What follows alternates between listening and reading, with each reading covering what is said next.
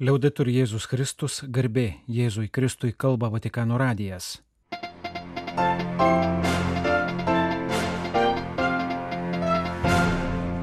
Malonus klausytojai šioje programoje. Lenkijoje vyks žydus gelbėjusios šeimos betifikacija. Popiežius pasveikino Ispanų katalikų darbuotojų draugijas. Pamirštas karas ir piligrimystė už taiką Kamerūne švenčiausiosios mergelės Marijos dangun įmimo iškilme.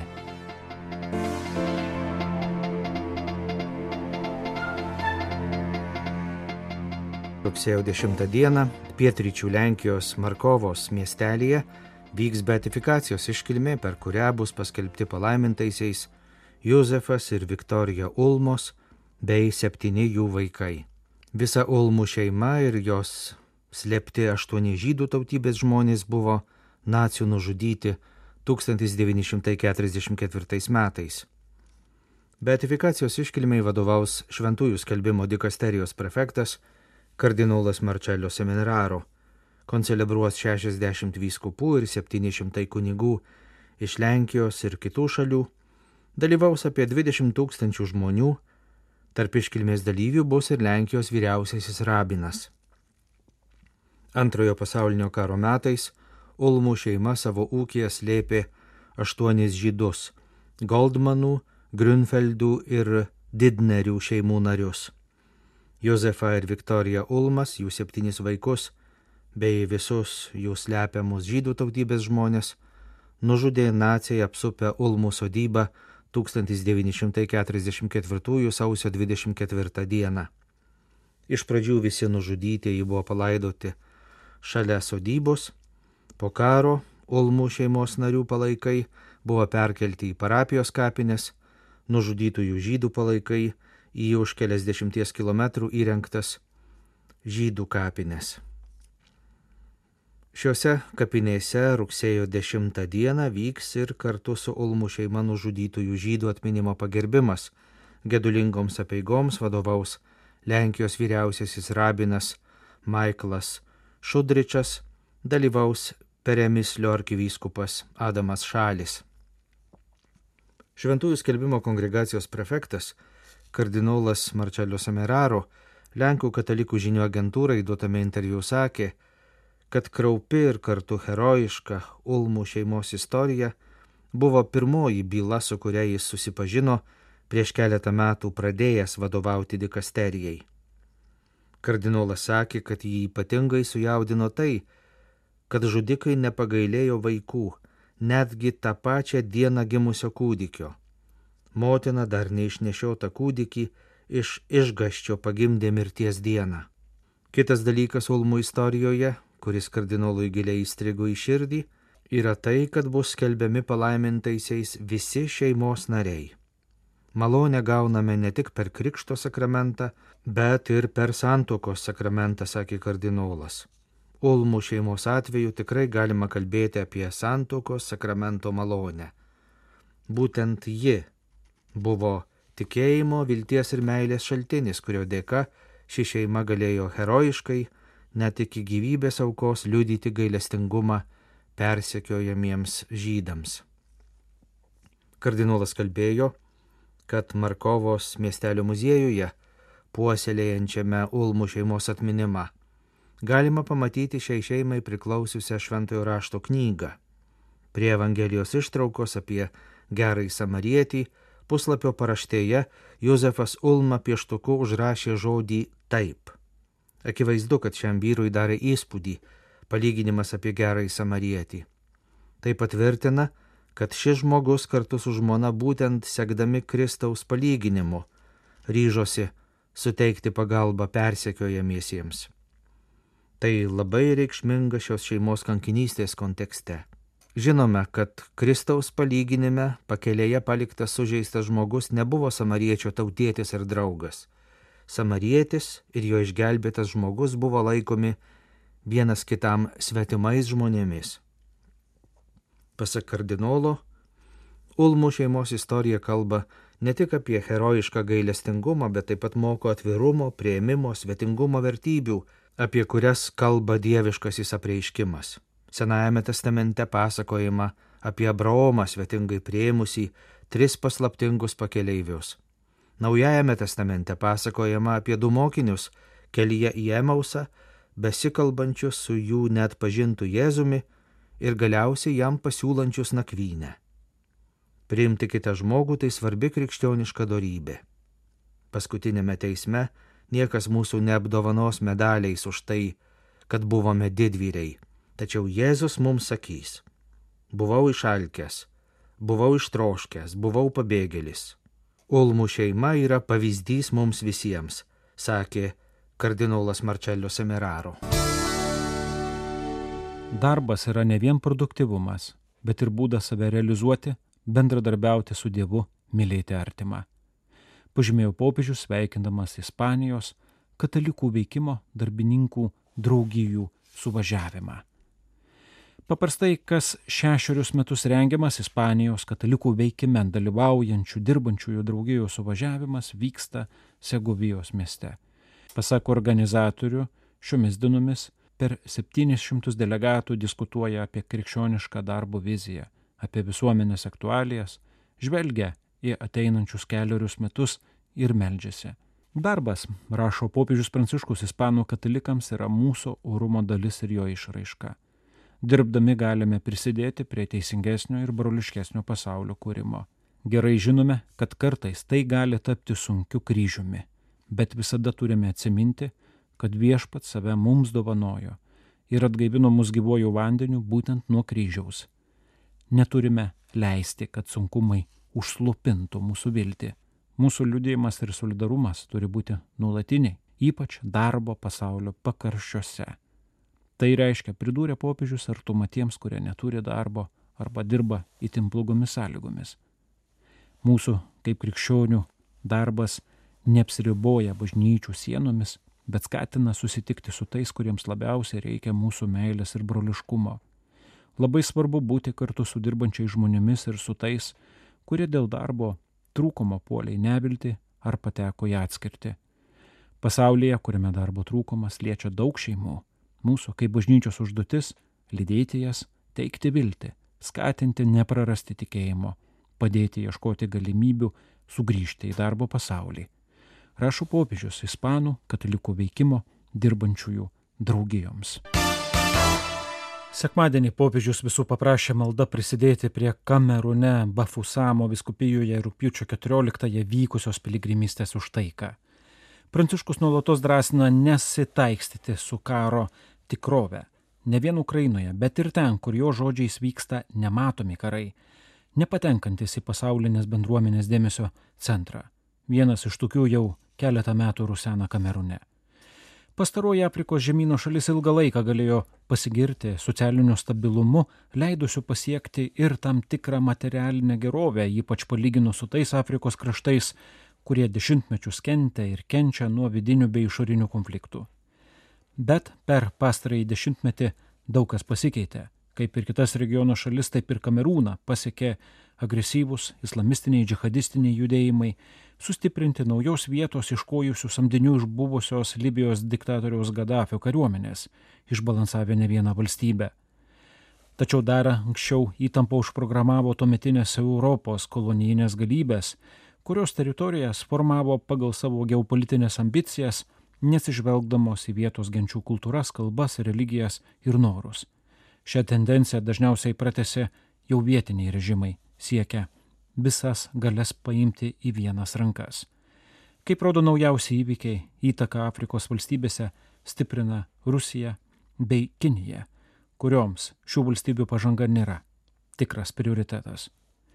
Visi šie ir kiti veiksniai tarnauja dviejų - pietvakarių ir šiaurės vakarų Kamerūno regionų, kuriuose dauguma kalba angliškai ir išpažįsta islamą, skirtingai nuo kitų regionų, kuriuose kalbama prancūziškai ir išpažįstama krikščionybė arba animizmas, separatizmo siekiui, sukilėlių, islamistinių grupuočių bei gentinių darinių veiklai teisinti. Nuo 2017-ųjų Kamerone rusena pilietinis konfliktas, kuris kartais įsilipsnoja smarkiau. Padėtį ko gero komplikuos kovos dėl valdžios. Po prezidento Paulo Bija Kamerūną valdančio nuo 1982 pasitraukimo. Bafosumo miesto su 400 tūkstančių gyventojų, viskupija ribojasi su abiem separatistiniais regionais ir tiesiogiai jaučia visų ten vykstančių smurto ir pabėgėlių dramų pasiekmes. Pirmą kartą viskupija specialią piligrimystę už taiką surengė 2022-aisiais ir sulaukė didžiulio palaikymo, liudijančio paprastų žmonių troškimą gyventi saugiai bei taikiai. Šiemet vyskupas Polas Liucikiun pakvietė dalyvauti antrą kartą šioje piligrimystėje už taiką visų pirma žmonių širdise, po to jų pasirinkimuose ir darbuose.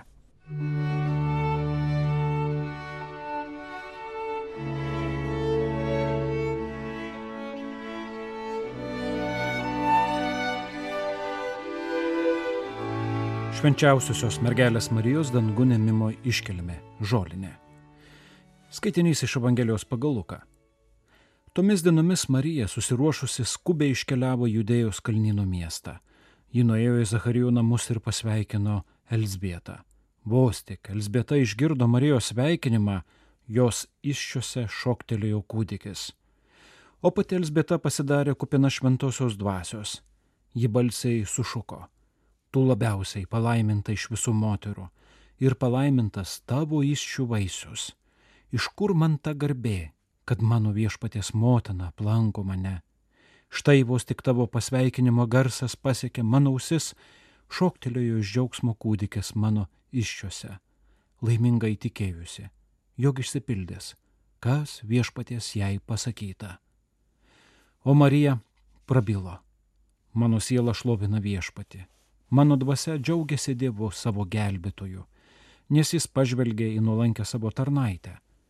Štai nuo dabar palaiminta mane vadins visos kartos, nes didžių dalykų padarė man viešpats ir šventas yra jo vardas.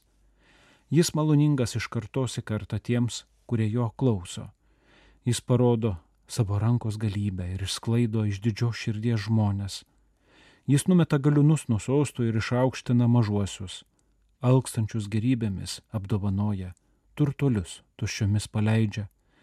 Jis ištėse pagalbos ranką savo tarnu Izraeliui, kad minėtų jo gailestingumą, kaip buvo žadėjęs mūsų protėviams, Abraomui ir jo palikuonėms per amžius. Marija prabuvo pas Elsbietą apie tris mėnesius, o paskui sugrįžo į savo namus.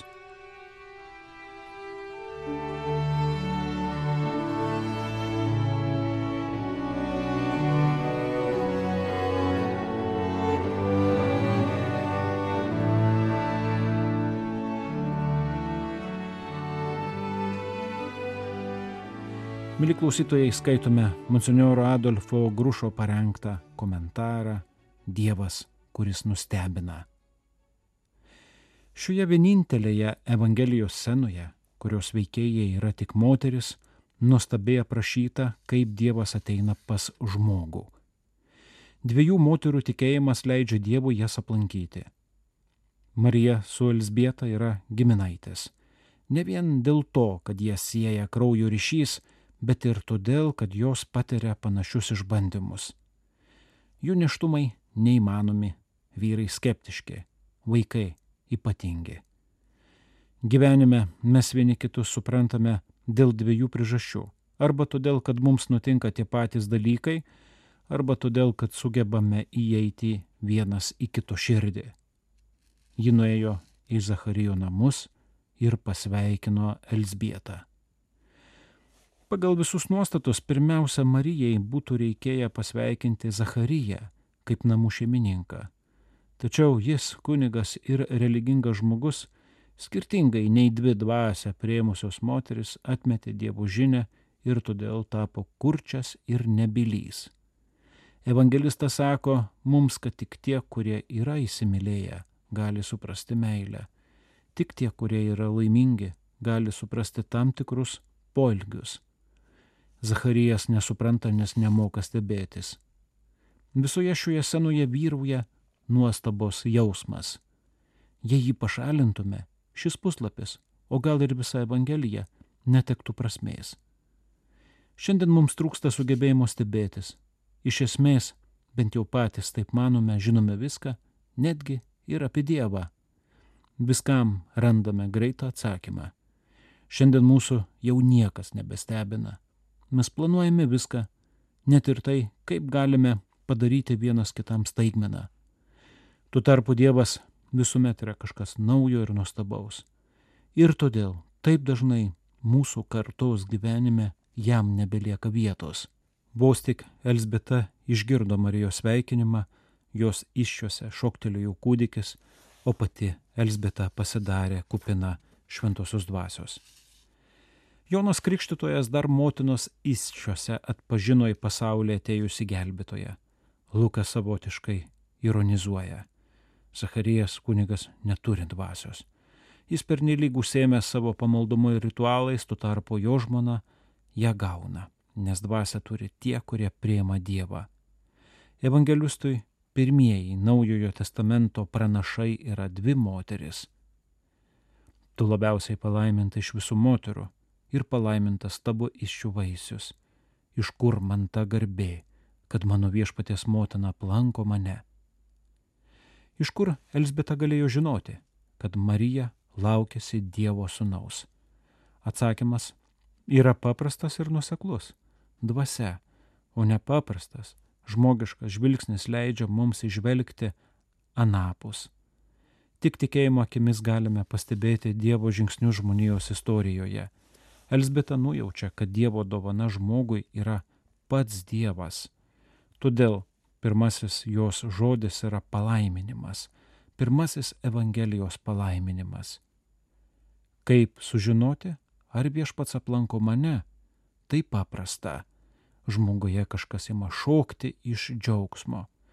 Džiaugsmas tai parašas, kuriuo viešpats pasirašo visus savo darbus. Susitikimas su Dievu pakeičia požiūrį į žmonės, pasaulį ir gyvenimą. Dievo patirtis negali būti apribota sekmadieninė buvimo bažnyčioje praktika. Jis yra ten, kur esame mes patys. Mums nereikia jo užkariauti.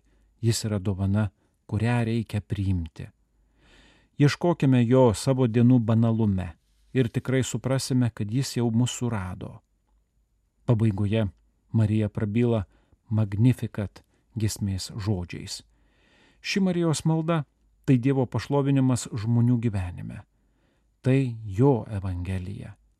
Dešimt kartų Marija pakartoja, tai jis. Jis, kuris žvelgia, kuris pakelia, kuris pripildo. Tai jis tai jis visagalis, daro didžius dalykus. Krikščionybės antras yra tai, ką Dievas daro dėl manęs, o ne tai, ką aš darau dėl Dievo. Šios iškelmės geroji naujiena, kurią Marija nori pasidalyti su Elsbieta ir su mumis, yra tai, kad Dievas yra prieinamas ir kitoks neįsivaizdavome. Marija ir Elsbieta neįmanomų dalykų moteris skelbia, kad į pasaulį ateina tai, ko žmogus pats savo negalėjo duoti. Dievas ateina, vis ateina, pačiu netikėčiausiu būdu. Ar esame pasirengę būti nustebinti?